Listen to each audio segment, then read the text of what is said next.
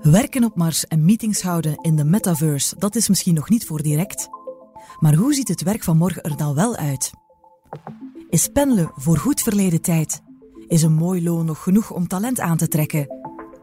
En is filteren op diploma's volledig achterhaald? De Vlaamse overheid, Control F, Liantis en More presenteren The Future of Work in samenwerking met Tijd Connect. Welkom bij Future of Work. We gaan je zo meteen enkele stellingen voorschotelen, maar jij mag al starten met kort jezelf voor te stellen en je bedrijf.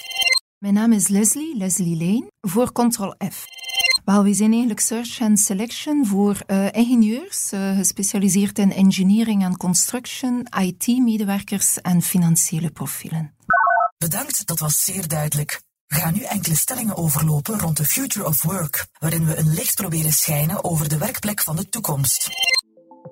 Voor Generation Z is het werkgeversmerk belangrijker dan de job zelf.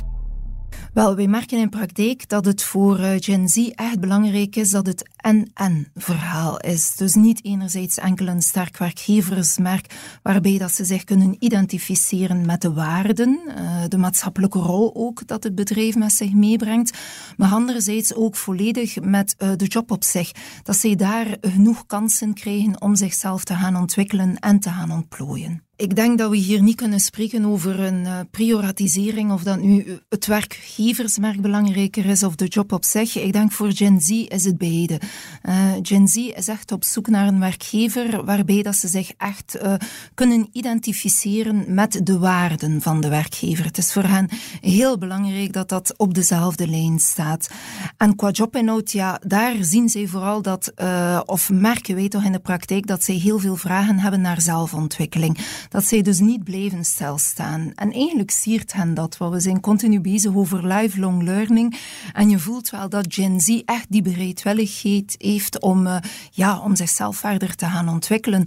Dus het is een kwestie echt van beide. Beide moeten goed zijn vooraleer dat wij een juiste match kunnen maken. Generation Z staat niet open voor kritiek. Ik ben daar niet mee akkoord. Um, nu, wij werken zelf ook met de grotendeels uh, Generation Z en eigenlijk ook wel de millenniums. Ik vind dat um, moet rekening houden. Zij um, geven vaak zelf ook kritiek. Uh, zij zijn heel open en eerlijk. En uh, zij appreciëren als wij net hetzelfde doen met hen. Zij houden eigenlijk van een directe communicatie, maar vooral ook van de authenticiteit. Als ik kijk naar uh, wie dat vooral uh, opkijken, dat zijn dat echt mensen die zeer authentiek overkomen, maar die ook inhoudelijk dan overgewicht gaan hebben.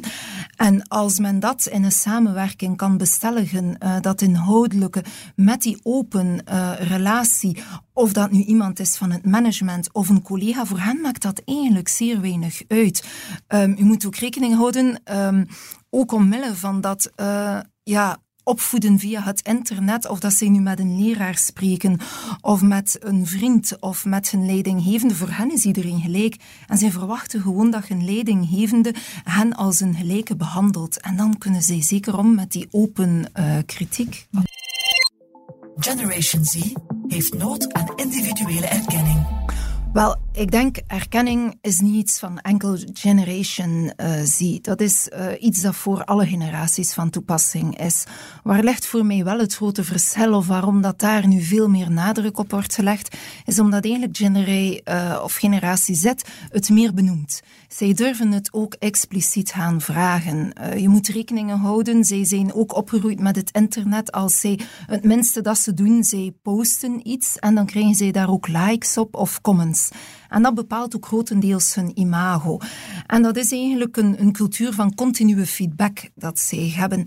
En uiteraard verwachten zij hetzelfde in een professionele omgeving. Zij verwachten die continue feedback ook van hun werkgever. Voor hen is dat eigenlijk een, een normaal gegeven om daar ook achter te vragen. Generation Z verlangt naar een werkgever die hen inspireert, meer nog dan motiveert. Wel, uh, ik ben volledig akkoord. Ja, ze verlangen echt een werkgever die hen inspireert.